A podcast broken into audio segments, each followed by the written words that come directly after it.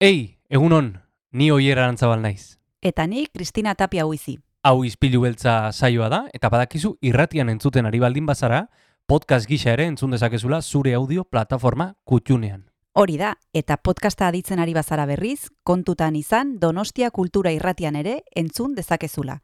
FM eundazazpi puntu lau frekuentzian. Sare sozialetan ere topatuko gaituzu noski, izpilu beltza bilatuta, Instagram, Facebook eta Twitterren. Besterik gabe, guazen gaurko saioarekin. Az gaitezen,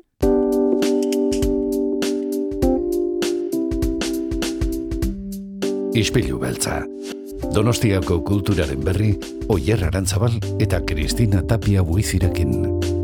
Egun honen zulego txailak zazpi ditu, aste artea da, eta hemen gaude beste egun batez, Donostia Kultura Irratian izpilu beltzea. Hemen gaude, eta beti bezala, bueno, gaurko gaiei heltzeko gogoz, Kristina, egunon. egunon zer moduz oier, Primeran, e, negu giro hontan, e, epel, epelaren bila esango dugu. bueno, eske neguan gaude ez, Karo, hori da. hori da. Arraroa zan, abenduan egitezun temperatura. Hori da, hori da. Bueno, guk gaur e, zinemari buruz hitz egingo dugu eta dantzari buruz ere, Mhm. badekizue aste hartetan Kresala Zineklubeko lagunak hurbiltzen zaizkigula, gaurkoan Ana Pinel etorriko da, eta berak hitz egingo digu Buena Suerte Leo Grande pelikularen inguruan, Sofi Haidek zuzendutakoa, eta gainera Daniel Abreu e, izango dugu gurekin, elarko ikusteko aukera izango dugulako otxaiaren amaikean, gazterzenan, eta, bueno, berak koreografoa da, dantzaria, eta kontatuko digu, ba, lan honen nondik norakoak. Dantza eta zinema gaurko izpilu beltzean, beti bezala, kulturari begirada bat eh, emateko, eta Jon Gartziaren musikarekin hasiko gara gaurko saioarekin. Hori da, guazen gaurko izpi beltzarekin. Guazen.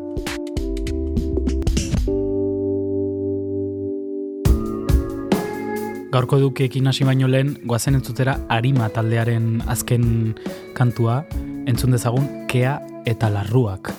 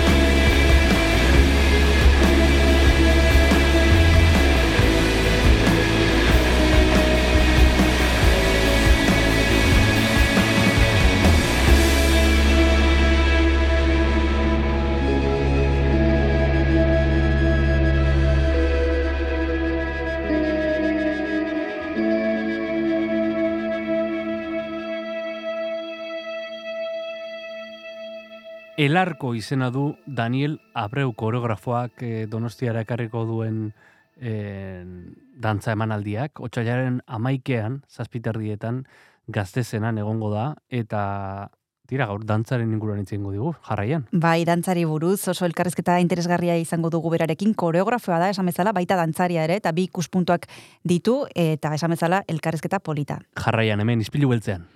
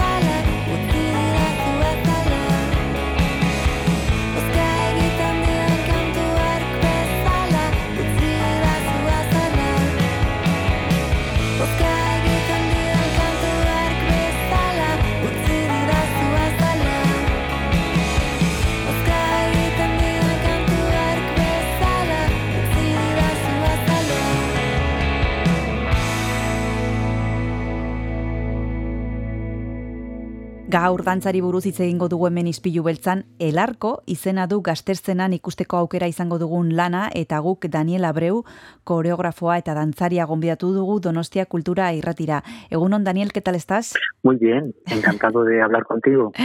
Bueno, lo primero de todo, nos gustaría saber qué es lo que habéis preparado para, para esta ocasión con el arco, qué, en qué consiste esta propuesta, qué nos vais a contar. Bueno, el arco es una obra que ha sufrido bastantes modificaciones porque es una obra en la que he intentado como responder a muchas preguntas a la vez.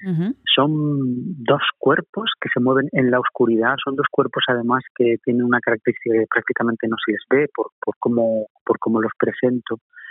Pero dentro de esa oscuridad la obra habla un poco sobre la sexualidad, la sensualidad, el cuidado.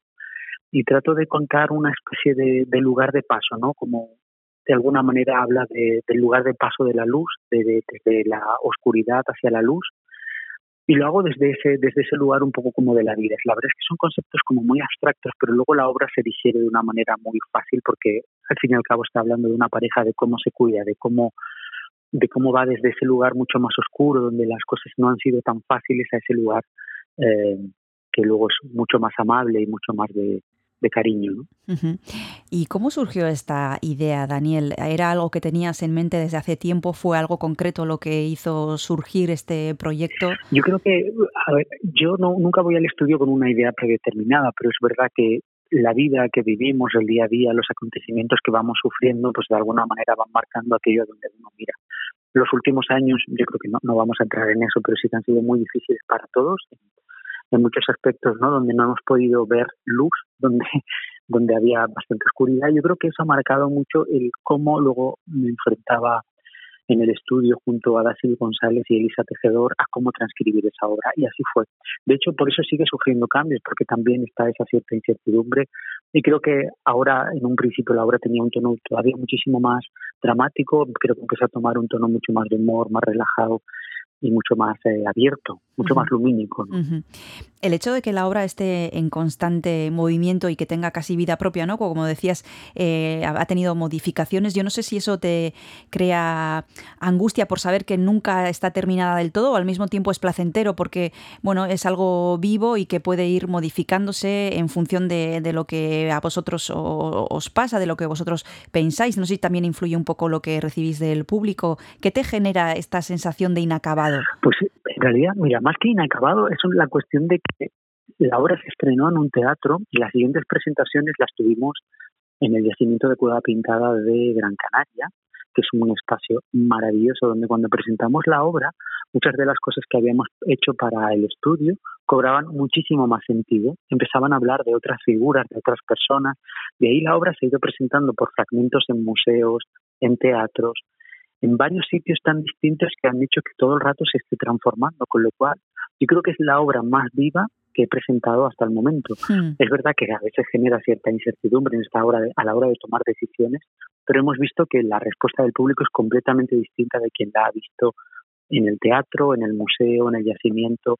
Ha sido bastante curioso y con ganas de presentarla en Donosti. Te iba a preguntar por esto precisamente, Daniel, ¿cómo ha sido la acogida del público?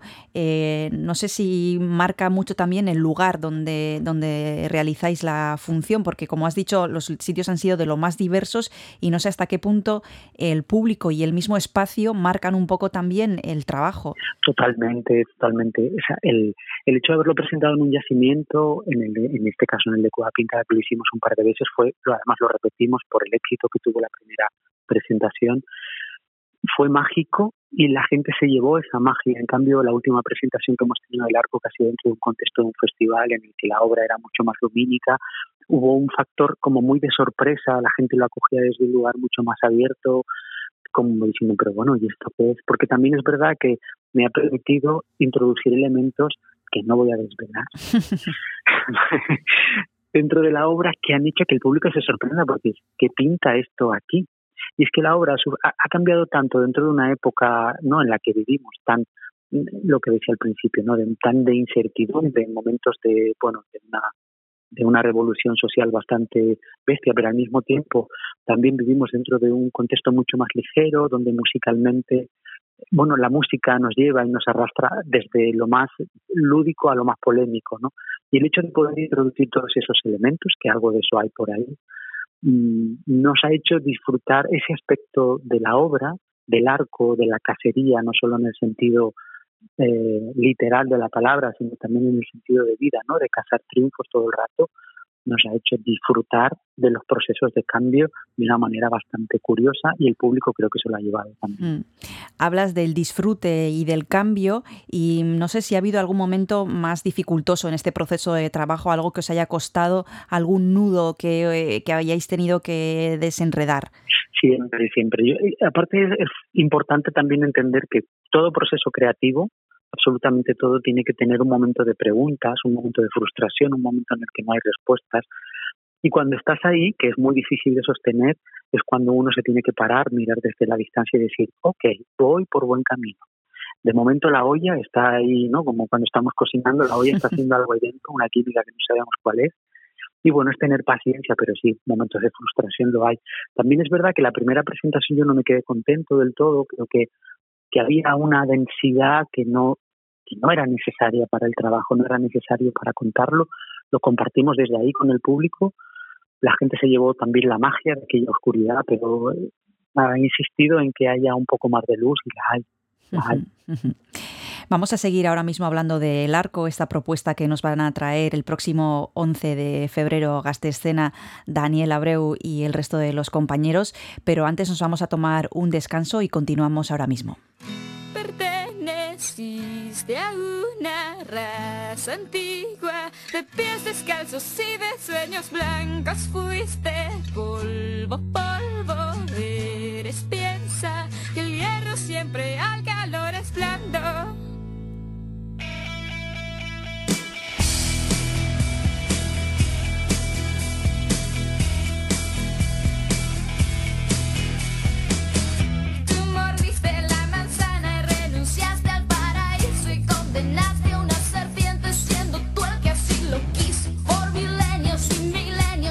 permaneces, te desnudo y te enfrentas.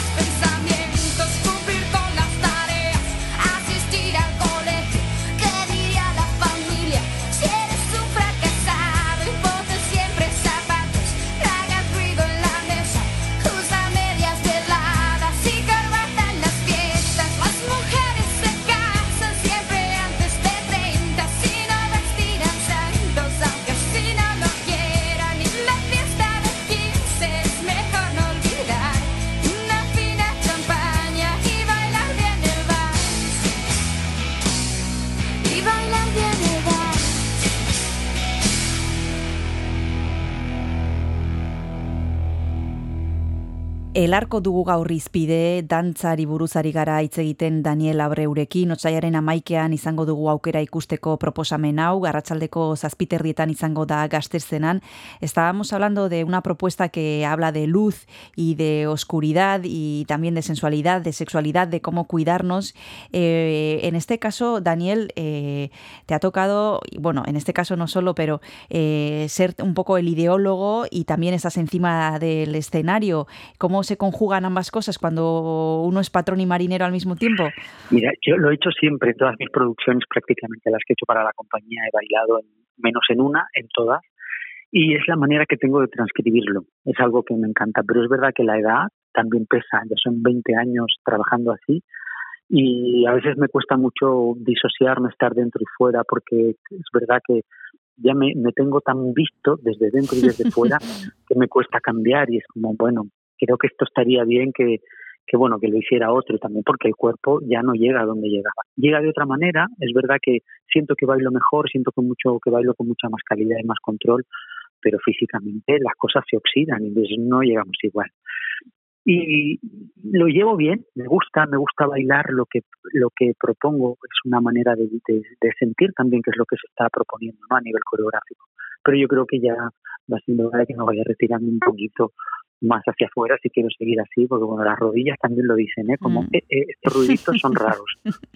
Cuando dices que las cosas se oxidan, eh, Daniel, ¿cómo se digiere cuando uno lleva toda la vida entregado a la danza, cuando el cuerpo dice, pues hasta aquí, o empieza a dar signos de que ya las cosas no son como antes? ¿Eso mentalmente cómo se asume?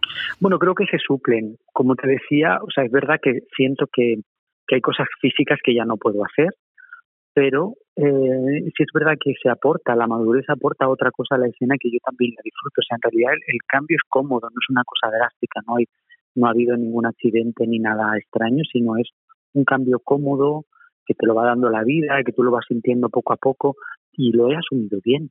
O sea, no me retiro todavía, voy a seguir en el escenario porque me gusta, me apetece, pero bueno, eh, también asumiendo que, que 46 años son 46 años. Mm, mm.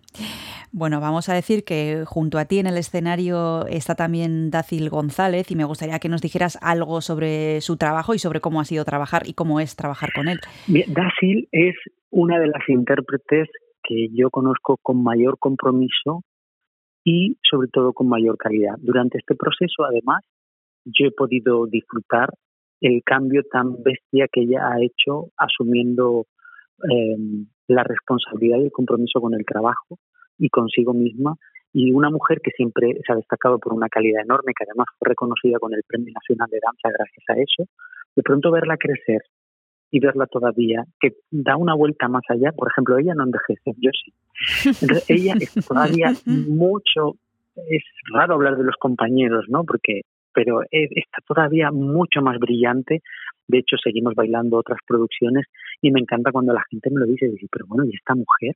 Esta mujer, porque es maravillosa, porque tiene una capacidad de comunicar innata, que también se ha sabido trabajar, y una capacidad de transformarse y adaptarse a cualquier coreógrafo o a cualquier director que proponga una idea. Lo hace de una manera natural, supongo que le costará lo suyo, no se lo voy a preguntar, pero yo creo que, es una de las intérpretes con mayor compromiso con su, con su tarea. Y lo sabe hacer y sabe llegar, o sea, creo que ir a verla bailar eh, te, te, la llevas, te la llevas a casa en tu memoria, en tu, en tu cabeza y en tus células porque te, te da, es muy generosa y te da y te, te lo quieres coger, claro. y qué placer cuando eso ocurre, ¿no? Cuando eso traspasa eh, y, va más allá de los minutos que transcurren en, el teatro, cuando alguien se lleva a casa, como dices tú, eh, la propuesta o, la danza, en este caso, de, una compañera o, la tuya misma, ¿no? Porque muchas veces eh, nos quedamos ahí, pero hay otras veces que ocurre eso, que ocurre esa magia y que te llevas a casa un trocito de lo que has visto. Eso también es, tiene que ser muy placentero desde el punto de vista de vuestro que estáis encima del escenario. Sí, aparte, bueno, nosotros, nuestros espectáculos siempre van en esa idea, no, no es tanto el gustar o el no gustar, ¿no? que evidentemente uno quiere que cuando el público va a verlo se quede satisfecho con lo que ha visto y no sienta que ha...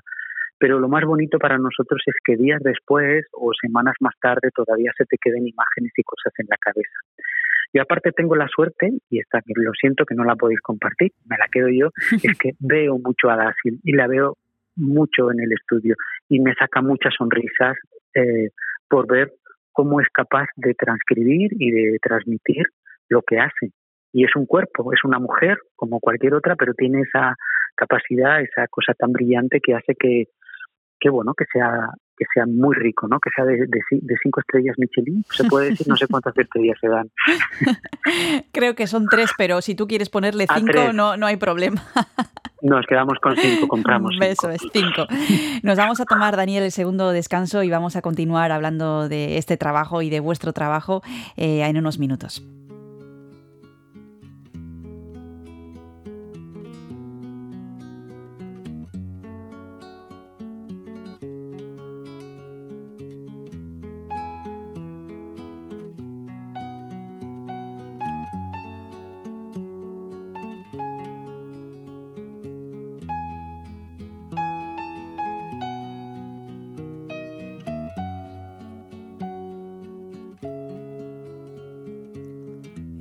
Izarren hautsa egun batean Bilakatu zen bizigai Hautsartatikan uste gabean Noiz bai gina den guer nahi.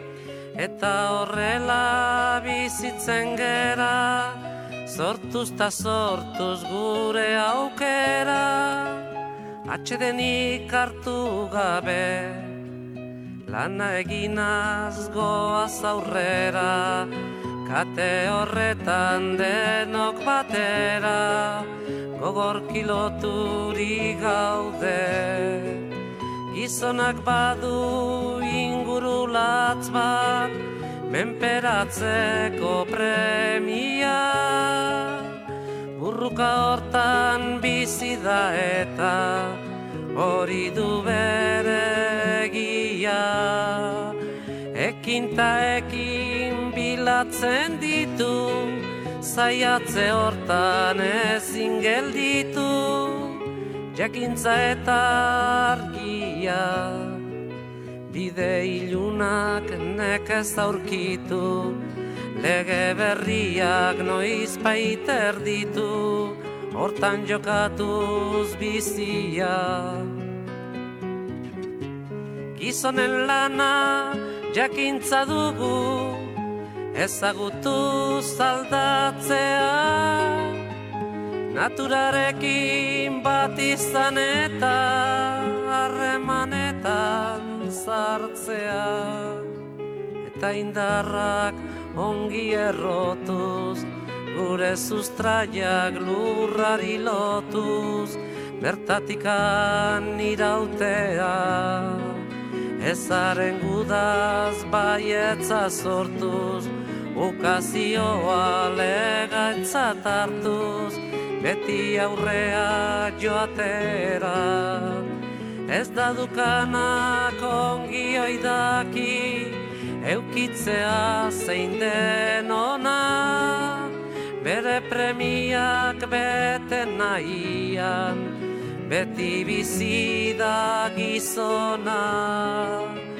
Guere zerbait bagera eta gauden tokitik emendik bertan, zaia gaitezen ikusten, ametxeroak baztertuz bertan, sasi zikinak behingo zerreta bide hon bat aukeratzen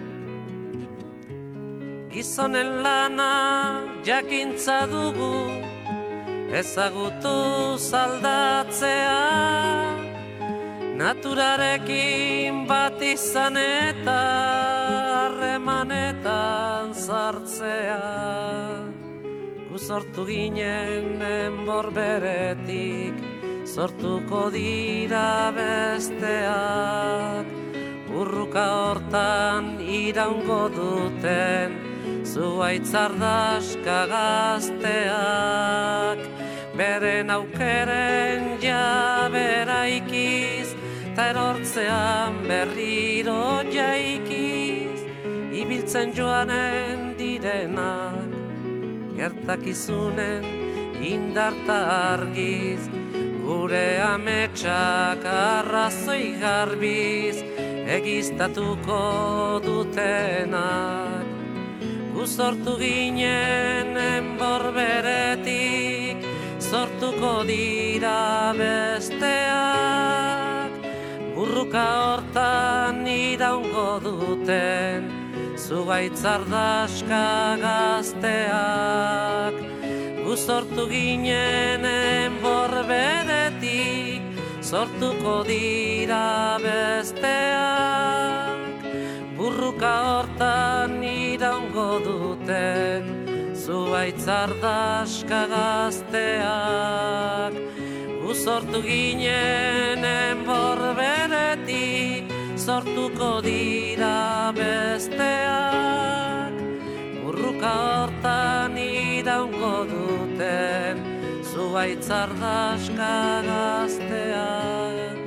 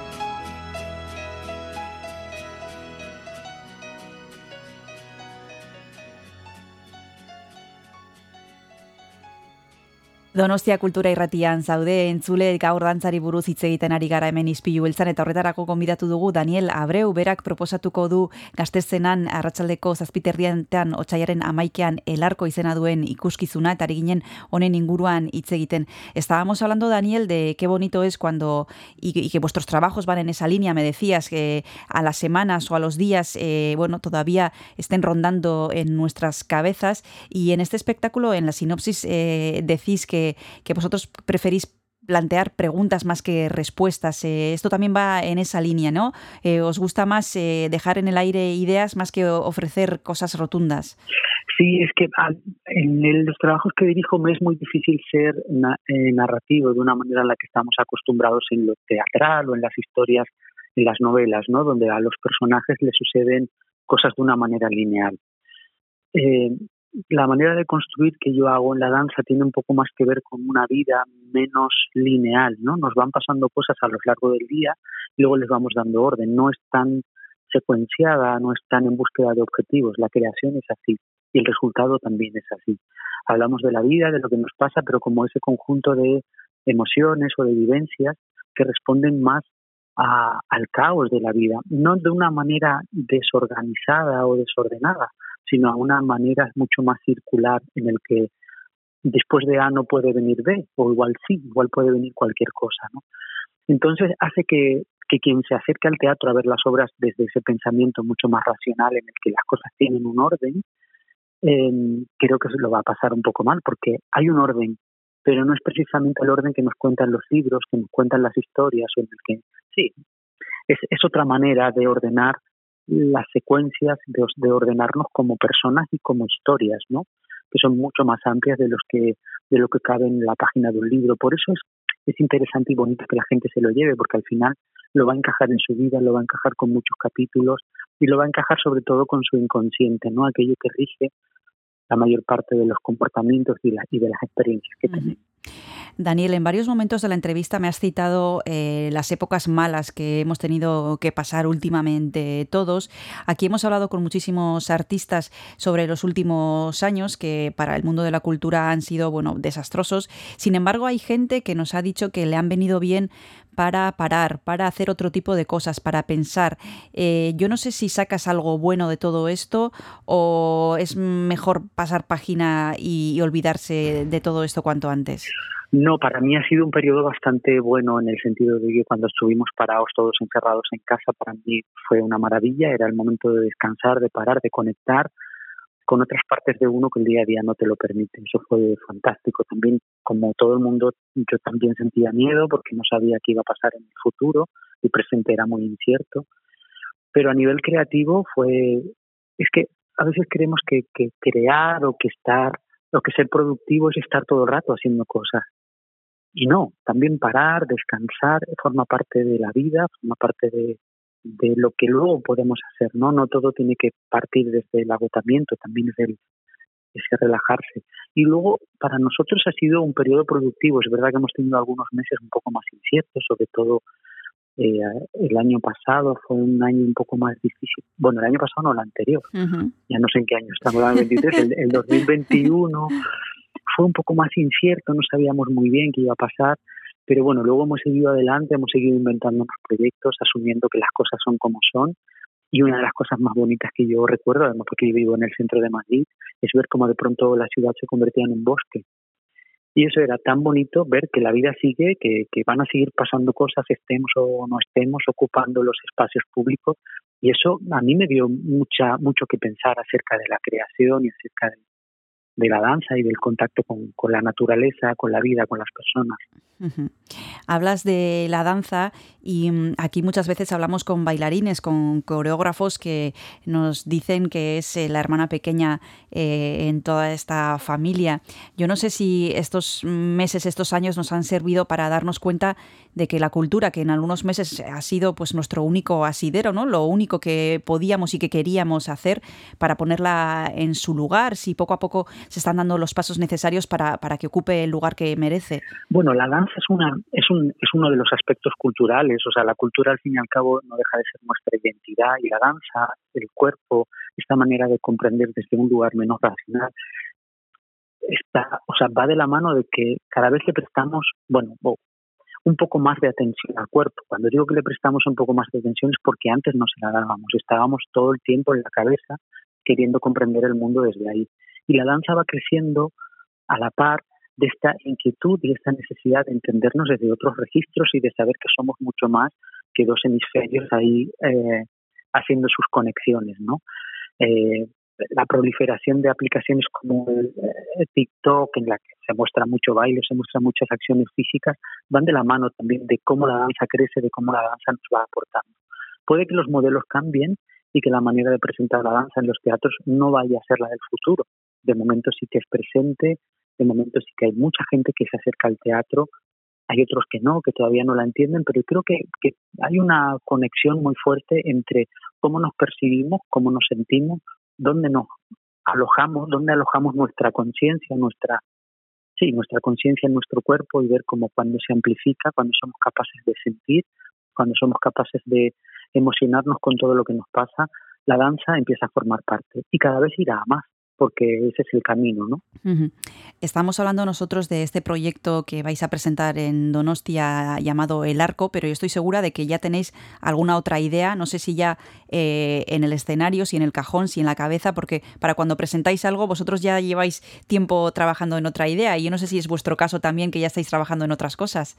Sí, bueno, después del Arco hubo otras creaciones en la compañía que también están en gira y sí, ya se está proyectando este año voy a estar con varios trabajos también, haciendo que nazcan otros trabajos, algunos sin título todavía, colaboraciones con otros artistas. Y sí, porque nuestro, nuestros proyectos nuestros proyectos casi que empiezan a girar casi al año o dos años vista, ¿no? La desnudez se estrenó en dos, perdón, la, el arco se estrenó en 2020, pero está mezclado con giras de otros espectáculos a la vez y es ahora cuando empieza a arrancar, cuando empezamos a tener todavía muchas más eh, eh, demandas ¿no? de presentación del trabajo. y se alargan en el tiempo. Mm. Nombraba La desnudez, que es una obra que se creó en el 2017 y que todavía a día de hoy se sigue presentando, ¿no? O sea que los trabajos, nuestros trabajos es verdad que son efímeros en el momento porque los presentamos una vez y ahí se quedan, vivirán en la memoria de, de los asistentes, pero seguimos con presentaciones a lo largo de mucho tiempo. ¿no? Algunos de mis trabajos, por ejemplo, hecho en el 2006, estamos hablando de mucho tiempo atrás, se siguen presentando todavía. Hmm. Yo ya estoy viejo para seguir haciéndolo, pero bueno, ahí estamos. O sea que los trabajos tienen vida larga y los proyectos crecen muchísimo antes de lo que el, espectador puede mm. llegar a, disfrutarlos, ¿no? Bueno, nosotros de momento lo que podemos disfrutar y lo que podemos recomendar es el arco, que es la propuesta que van a traer Daniel Abreu y los demás compañeros el próximo 11 de febrero, como hemos dicho, a las 7 y media de la tarde a Gastescena. Un placer, Daniel, que te hayas acercado a Ispillu Belza. Un abrazo y hasta la próxima. Muchísimas gracias ¿eh? y nos vemos, nos vemos en el teatro. Por supuesto. El que quiero no me quiere que me quieras y termina la condena. Me divierte, maybe tú eres el que me libera. Y es que hoy es carnaval, yo estoy de aquí y tú eres de allá. Lo diré en inglés y me entenderás. Mm.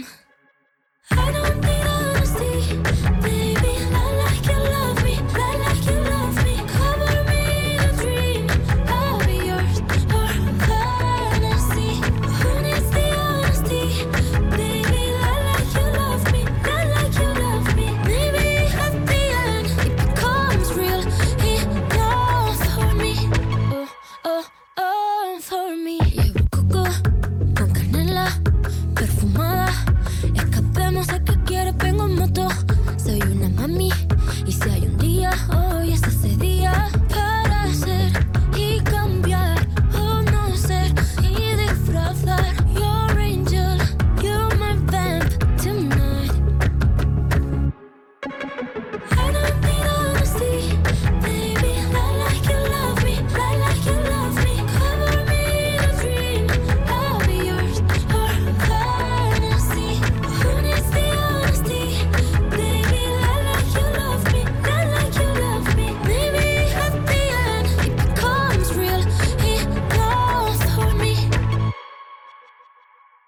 Ay, dame esa, esa pulsera de flores. Me la pondré en la muñeca. Cuando despierte, así yo lo sabré. Así yo lo sabré. Yo sabré que fue real. Será mi tótem. Lo sabes tú y nadie más.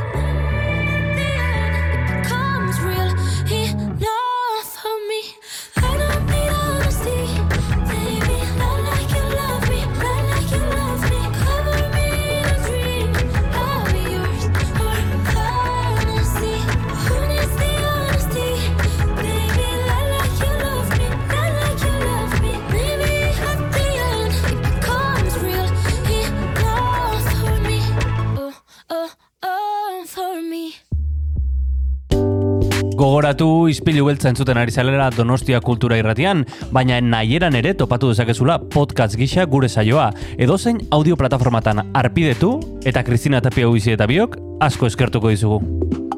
Orain jarrai dezala saioak. Gaur hasieran iragarri dugun moduan zinemari buruz hitz egingo dugu eta badekizue aste artea aste artetan Kresala Zinekuleko lagunak etortzen zaizkigula bisitan. Gaurkoan Ana Pinel daukagu telefonoaren beste aldean. Eta gaur hitz egingo dugu pelikula oso bitxi baten inguruan. Gaur justo arratsaldean badekizue Trueba Zinemetan proiektatuko dutela arratsaldeko 7 dietan pelikulak izena du Buena Suerte Leo Grande eta zuzendariak e, izena du Sophie Hyde. E, Australiako zuzendaria da. Joan den urtean e, estrenatu zen pelikula, 2008an, Sandansetik eh, etorri zaigu, eta donostiraino, Eguno Nana, ¿qué tal estás? Eh, buenos días, muy bien, gracias. bueno, como decíamos, es una película recién salida del horno, como se suele decir, porque viene del año pasado, directa de Sundance, una película dirigida por una chica australiana, Sophie Hyde, aunque bueno, el país de la película y como consta en la ficha es del Reino Unido, y hablaremos luego de eso. Eh, buena suerte, Leo Grande. Con un título así un poco sugerente, cuéntanos eh, en qué consiste la sinopsis de de, esta cintana. Sí, bueno, pues la película trata acerca de una mujer interpretada por Emma Thompson, recién eh, jubilada, viuda desde hace un par de años, que bueno, pues que decide contratar a un trabajador sexual, queda con él en la habitación de un hotel, pues porque digamos quiere descubrir su sexualidad o, o, bueno, pues hacer una serie de cosas que no tuvo oportunidad de hacer o de disfrutar con su con su marido, con su única pareja sexual, digamos. Así que trata un poco, pues, eh, o sea, la película eh, prácticamente todo el tiempo es en la habitación del hotel y son los diálogos entre ellos y lo que cómo va evolucionando esa relación. Una premisa un tanto peculiar, ¿no? Una señora mayor que contrata a un trabajador sexual para bueno, para descubrir su sexualidad, algo que no pudo hacer con su marido, que ya falleció, interpretada, como has dicho, por Emma Thompson. Eh, no sé si se nos va a hacer, eh, no sé, un poco, el, tema un poco raro. ¿Vamos a entrar fácil en la historia?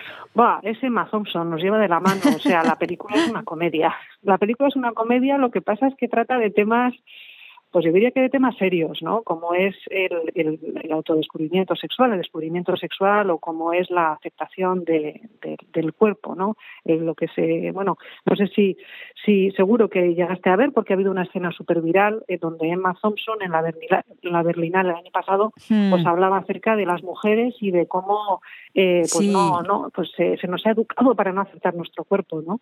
De, hecho, en la, en la peli hay un momento que ella dice, hay un momento, o sea, porque hay una evolución que dice, mi cuerpo ha dejado de ser el cadáver con el que estaba cargando. O sea, fíjate de qué estamos hablando, ¿no?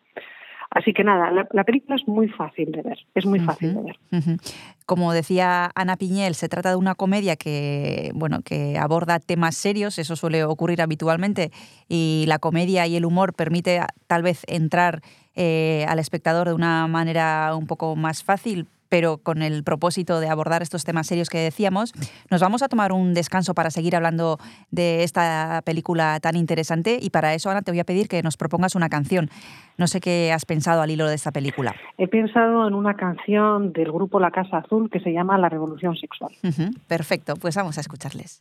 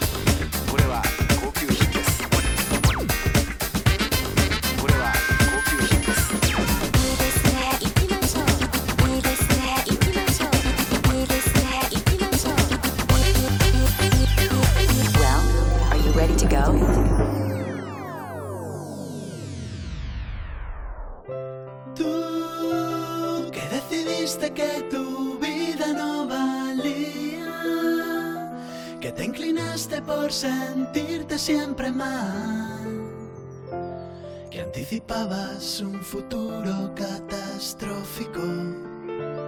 Hoy pronosticas la revolución sexual tú, que decidiste que tu amor ya no servía, que preferiste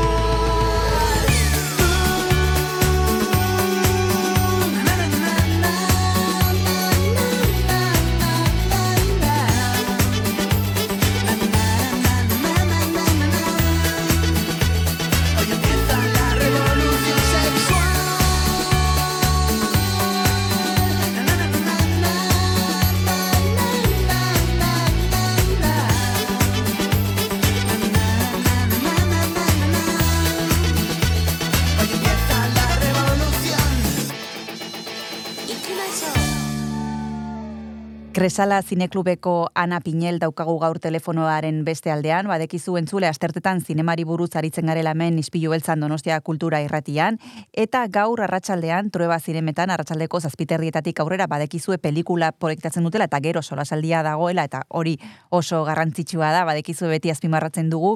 E, gaurko pelikulak izena du Buena Suerte Leo Grande, e, iazko pelikula da, eta Sophie Hyde eh, du zuzendari lanetan. Estábamos hablando de este proyecto eh, interpretado por Emma Thompson, una interpretación que, que has suscitado, bueno, casi, mm, casi todas las buenas críticas ¿no? que, tiene, que tiene este trabajo se concentran en, en, el, en el papel de, de Emma Thompson, en, en, el trabajo que hace esta actriz. Sí, pero bueno, también eh, ha habido muy buena, o sea, uno de los puntos fuertes de, la, de esta película son las interpretaciones mm. de los dos actores. Sí, también vamos a decir Daryl McCormack eso también. Eso es, sí, sí, sí, sí. Los dos lo hacen muy, muy bien. Es verdad que, bueno, Emma Thompson, pues eh, yo creo que todos eh, la hemos visto, si no es en una película, pues es en otra, ¿no? Mientras que el otro actor, pues lo conocemos menos. Debe de, por lo visto, estuvo trabajando en la, en la serie Peaky, Peaky Blinders, creo. Pero él hace un trabajo excelente.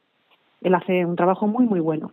Sí. Decías, Ana, al, al, principio que la película transcurre prácticamente en su totalidad en la habitación de un hotel donde se citan eh, estos dos actores, en este caso Emma Thompson y Daryl McCormack. Eh, no sé si...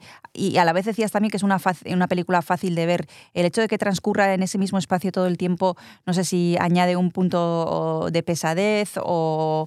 mm, No es el caso, porque además no es... Eh, digamos que es un sitio como muy neutral. Uh -huh. Podría ser un sitio, pues no sé, sórdido, oscuro.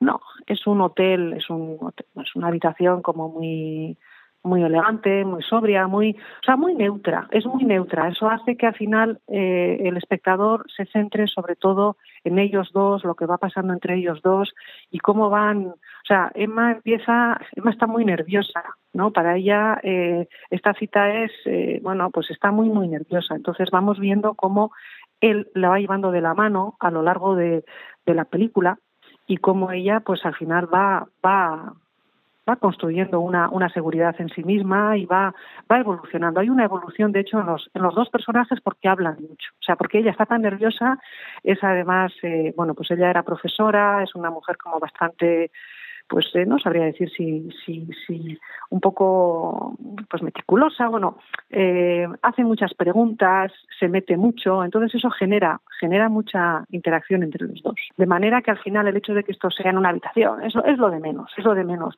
No lo hace pesado. También decir que no viene, porque claro, igual cuentas esto y dices, ah, bueno, esto es una obra de teatro. No, o sea, el guion eh, se hizo para una película. Otra cosa es que yo creo que, bueno, pues se podría convertir en una obra de teatro, ¿no? Pero, pero en sí la, es, es, originariamente era para, para una película. Eh, nos has descrito brevemente el, el, papel que interpreta Emma Thompson, esta mujer, esta profesora que, que no ha tenido ocasión de descubrir su sexualidad como le hubiera gustado con su marido y que para eso contrata eh, en un hotel a un trabajador sexual. ¿Cómo es el chico? Eh, cuéntanos un poquito también cuál es la personalidad de, de este hombre que acude Sí. a esta cita. Pues mira, eh, investigando un poco acerca de la película, descubrí que eh, la primera persona que entra aquí en, en juego es Emma Thompson y luego eh, dan con la directora, con esta mujer australiana que ya tenía una serie de películas interesantes. Entonces, son ellas dos las que eh, hacen de alguna forma el, todo el tema del casting y Mm. le eligen a este, a este actor. Eh, bueno, pues es un, pues eh, bueno, el personaje que hace es de una persona, eh, bueno, pues obviamente con muy buena presencia, con una elegancia, un- unas formas muy, pues muy correctas y demás, pero a su vez es una persona como muy empática, diplomática, que se toma muy en serio su trabajo. O sea, estamos viendo aquí a un trabajador sexual que resulta que luego tiene un, pasado que, que va saliendo, pero que al final pues eh, bueno, hace, hace un trabajo en el que una de las cosas que, te- que, que uno puede pensar es vamos a imaginar esta misma película en la que en la que eh, ella es, es un señor y él es una chica joven, ¿no? ¿Cómo serían, cómo serían las cosas? En este caso, desde luego, el personaje de él es alguien pues que, que más allá de su atractivo físico tiene, o sea, yo diría que, que se convierte en una especie de, de confidente de ella, de consejero, de coach, llamémoslo coach sexual, por decirlo de alguna manera, ¿no? Pero también pues como una especie de confidente, consejero y alguien que la acompaña y que lo hace con, con elegancia, lo hace con elegancia, con empatía, eh, escuchando y digamos también pues sabiendo un poco eh, respondiendo eh, a lo que ella le, le va pidiendo, ¿no? Tengo delante el cartel, Ana, y, y es bastante, bueno, se ve bastante bien eh, reflejado todo lo que estás comentando. Eh, obviamente aparece el título de la película en grande, pero es una fotografía de los dos actores sentados en el suelo de la habitación. A él le- faltan los pantalones y tiene la camisa abierta y ella pues eh, la parte de arriba como más descubierta, sin camisa, podríamos decir, o sin jersey, pero con una expresión y una mirada que, que están como muy serios, pero transmiten eh, cierta ternura o, o cierta gracia, un poquito podría ser también, ¿no? Que es un poco el alma de la película. Eso es, sí. O sea, al final, eh, digamos que no es una interacción que dura eh, 15 minutos, media hora, se acabó. O sea, esta película habla de. Pa- pasan más cosas, pasan más cosas. Sí. Bueno, es una película que tenemos que decir que ha suscitado buenas palabras por parte de la crítica, que consiguió cuatro nominaciones en los premios BAFTA el año pasado. También eh, Emma Thompson fue nominada a Mejor Actriz de Comedia en los Globos de Oro y que, bueno, ha tenido también eh, bueno, eh, nominaciones en los premios independientes de, Gran Bretaña, en los Satellite Awards. Bueno, eh, podríamos decir que, es una película que, viene un poco avalada, ¿no? Por, por los premios también y por la, por la crítica. Sí, sí, sí. En especial, bueno, pues yo diría que por el guion, por la Ujú. forma, también hay todo lo referente a fotografía, iluminación, eh, quizás no, claro, no- como no hablamos de una película de efectos especiales Sí. y demás, pero eh, es, es, es, eh, es- está muy bien, muy, muy bien, muy, muy, muy bien tratado. Curiosamente veí- eh, estaba viendo que es una película que se, se narró, se, se, se, se rodó, fueron 19 días, era en plena pandemia, o sea, en plena cuarentena en el Reino. Wow. De manera que es que no había nadie en la calle. Entonces, bueno, pues también ahí eh, comenta la directora cómo pues esa, esa intimidad eh, se va creando a lo largo de los días de rodaje, también porque es un equipo muy, muy, muy pequeño y, y por las circunstancias en las que se rodó. Nos vamos a tomar, Ana, el segundo descanso. Para el primero nos has propuesto una canción de La Casa Azul, La Revolución Sexual, y para este segundo break, ¿qué, qué nos propones? Os propongo Love is All Around de Wet, Wet, Wet, porque, no sé, es que lo identifico tanto con Emma Thompson y creo que viene también, bueno, que va un poco con el tono de la película. Perfecto, pues vamos a escucharla.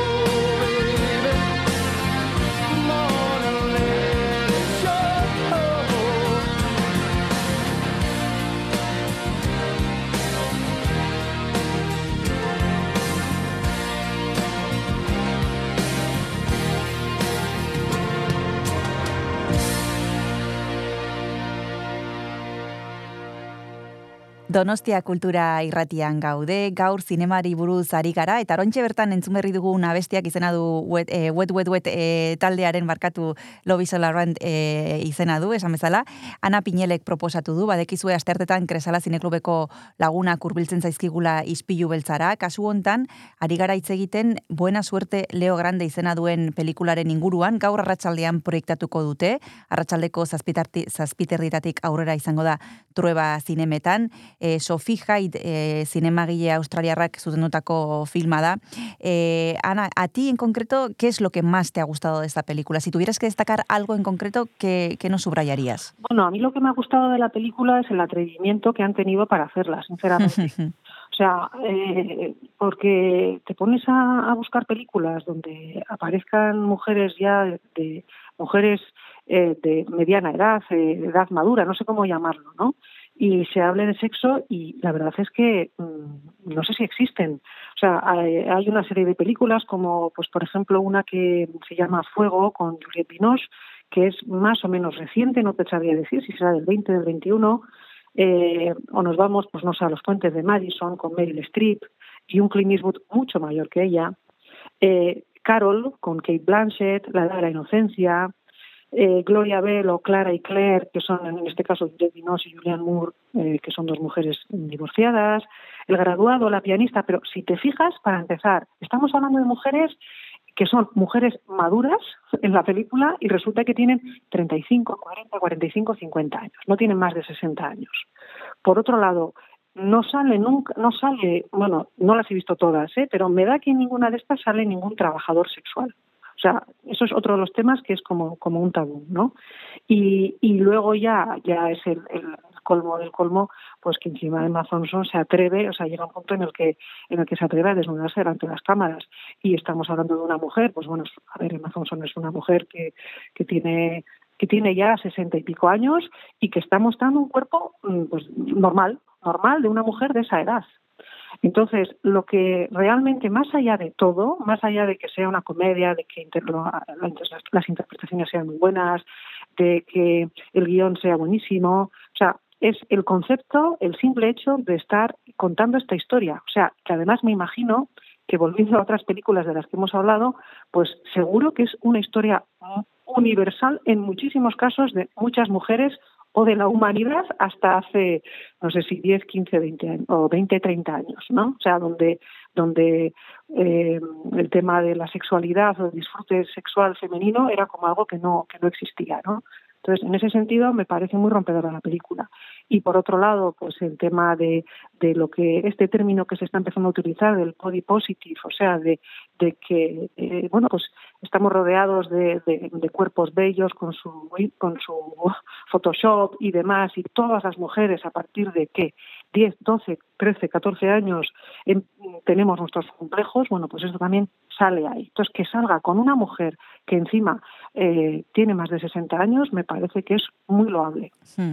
Sí, porque es verdad que estos temas eh, sí nos han preocupado y ocupado a nosotras, pero no los hemos visto reflejados en ningún eh, en, ninguna película ni en ningún otro sitio tampoco. O sea que eh, parece que, que no ha existido y como las historias pues han sido contadas desde los puntos de vista masculinos y aunque hubieran sido contadas desde el punto de vista femeninos, tampoco son temas mm, que, se han abordado con esta naturalidad. Ya solo el hecho de que se haga es, la, propia novedad, ¿no? Eso, no sé si estás viendo una tendencia que está cambiando, Ana. No sé si mm, crees que es algo que, que ha venido para quedarse. Yo creo que sí. Yo creo que sí. Sinceramente, a ver, creo que sí. Lo que pasa es que quizás, no sé cómo decirlo, ¿no? vete a saber si, si, si, si conseguiremos las mujeres en este sentido contar o sea, un 50-50, ¿no? Mm, que las mm. historias de hombres y de mujeres o las perspectivas desde un lado desde el otro eh, llegan a estar equiparadas. No, no lo sé, pero lo que está claro es que cada vez se habla, o sea, no sé, la palabra orgasmo, la palabra clítoris, o sea, es que, no sé, yo desde luego eh, son palabras que, que, que hace, hace, hace no tanto, es que no, no existían. O sea, yo mismo me pregunto, eh, todavía hoy día, cuando dan clases de sexualidad en, en las icastolas, en los colegios y demás, pues eh, de qué temas hablan y de qué temas dejan de hablar, ¿no? Eh, no sé, yo creo que son cosas que, o sea, que se va avanzando en, en, este sentido. Yo estoy convencida de que sí, pues porque al final eh, cada vez hay más mujeres contando historias y eso es una realidad. Y esta película es un reflejo de ello. Eso es, como decíamos, esta película es un reflejo de esto. Buena suerte, Leo Grande, es una película que cuenta eh, una historia que, bueno, que le, que le ha ocurrido a millones de mujeres en el mundo, pero que por suerte, por primera vez vemos en la pantalla grande, a pesar de que ya estamos en el año 2023. Pero bueno, eh, como decía Ana, esperemos que sea una tendencia que haya venido para quedarse. Ana, ¿alguna pega le has visto a, a esta película desde el punto de vista cinematográfico? Mm, no, la verdad uh -huh. es que es que no. Quizás uh -huh. el, el, inicio eh, eh, es un poco, pues bueno, pues recuerda películas como Love Actually, que, que al final son películas buenísimas. O sea, más que una pega, es decir, parece al principio que va a ser una comedia muy ligera. Uh -huh. Pero es lo que parece. Luego al final, pues, eh, pues no es así. No es tan ligera. No es tan ligera. Bueno, pues como decimos, esta película es de lo más interesante, no solo para las mujeres, Ana, eso lo hablábamos antes de empezar a grabar la entrevista, que parece que va a ser una película eh, para nosotras, pero nada más allá de la realidad, ¿no? Es una película que recomendarías a quién tú, Ana. Pues yo se la recomendaría a todo el mundo, porque eh, sí. Para empezar, porque mm, bueno, es que le puede gustar a cualquiera, en cuanto a gustar, pues le puede gustar a cualquiera, yo creo. Y luego, pues porque yo creo que, que es interesante el contenido que tiene, sinceramente. O sea que cualquiera. Bueno, pues cualquiera. Eh, a cualquiera que le guste el cine y a cualquiera que pueda ir hoy a las siete y media de la tarde a los cines Trueba, ya sabe, buena suerte Leo Grande. Después de la película habrá coloquio, como siempre, y esa suele ser una de las partes más interesantes, además de ver la película en pantalla grande, por supuesto, siempre lo decimos y siempre lo subrayamos e invitamos a los espectadores a que se queden y a que participen sin miedo. Muchísimas gracias, Ana Piñel, por haberte acercado a Donostia Cultura y Ratía. Un abrazo muy grande y hasta la próxima. Un abrazo, muchísimas gracias a vosotros. Hasta la próxima. Agur. There are places I don't remember. There are times and days they mean nothing to me. I've been looking through some of them old pictures.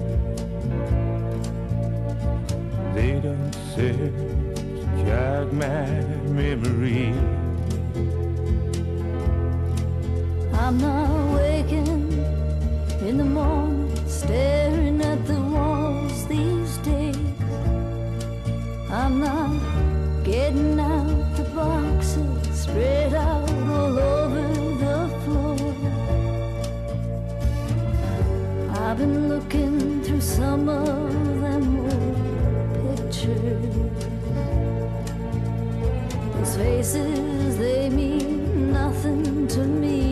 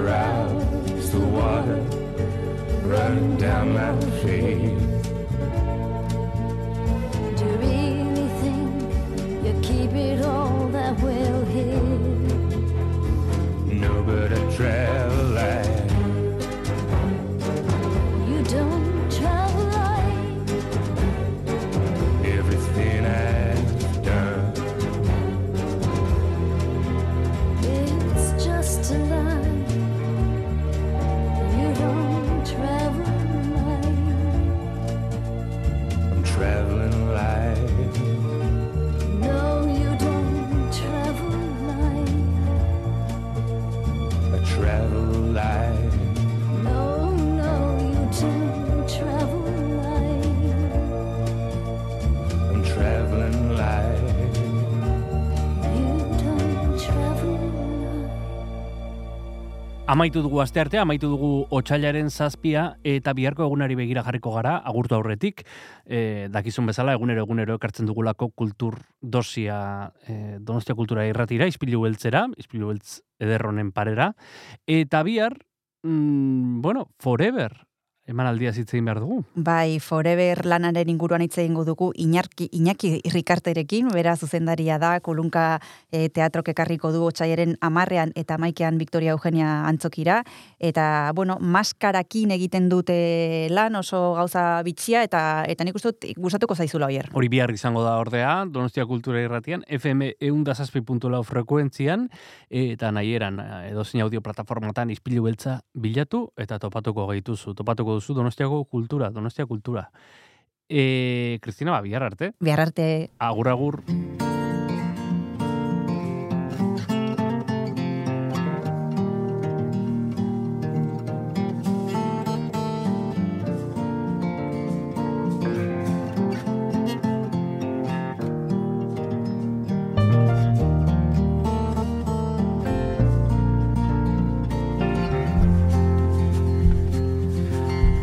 This is how I tell it.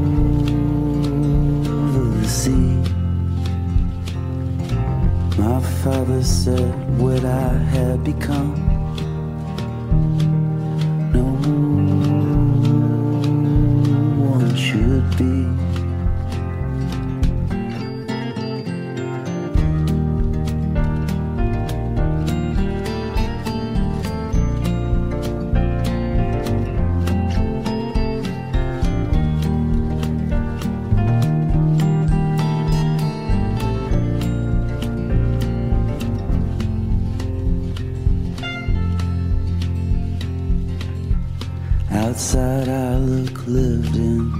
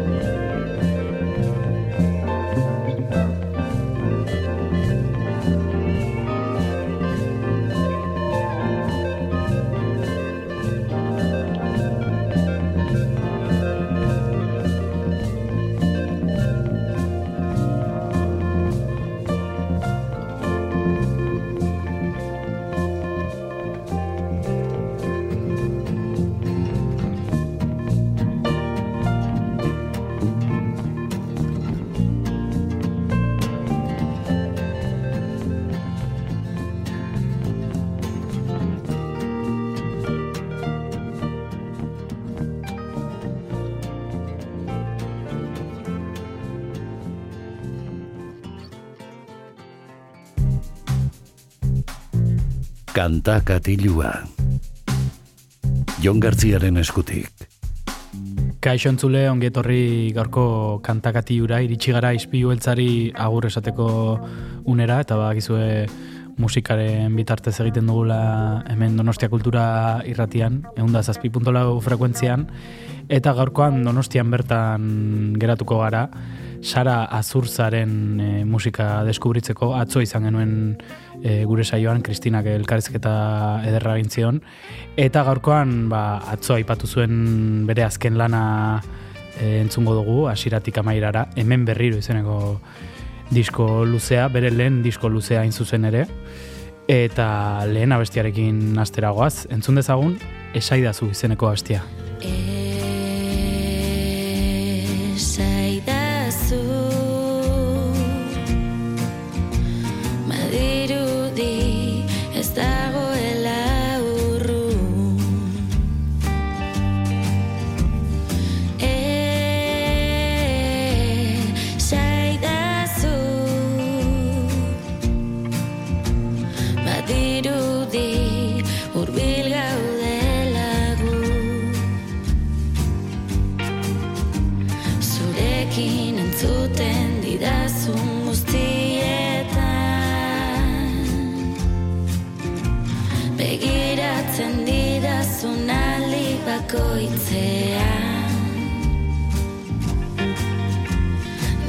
Nirekin aritzen zaren egun ostean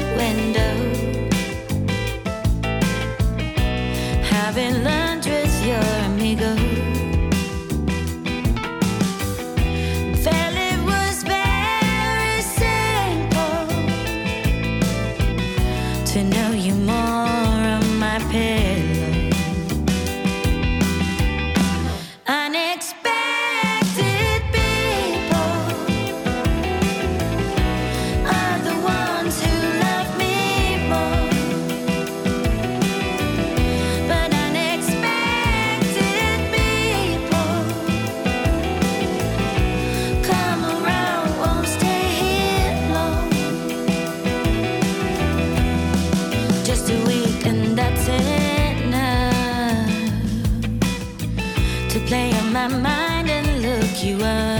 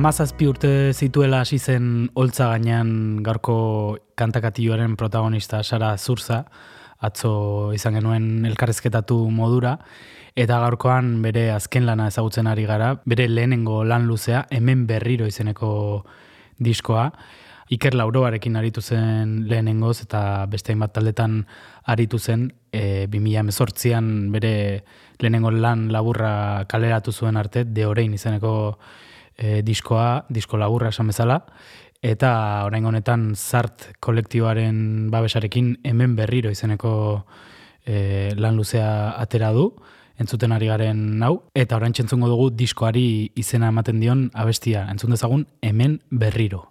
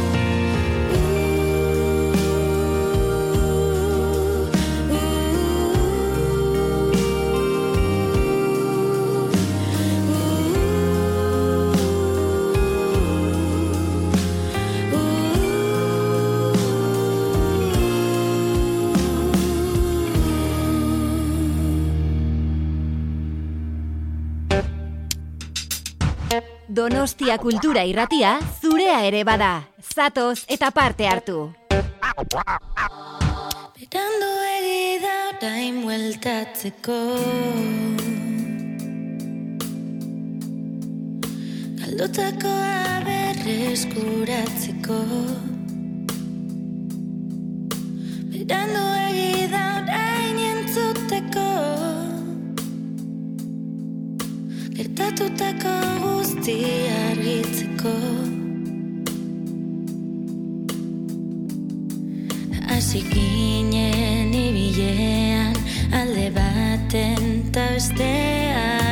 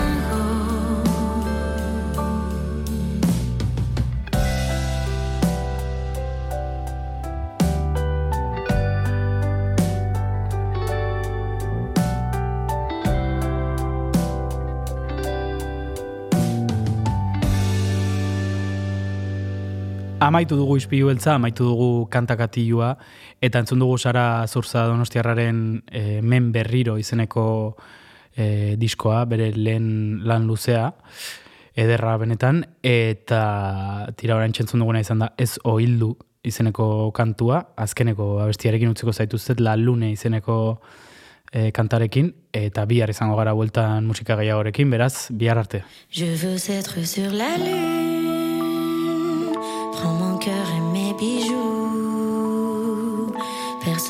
M'écoute sur la lune, ni les vents ni les plus fous.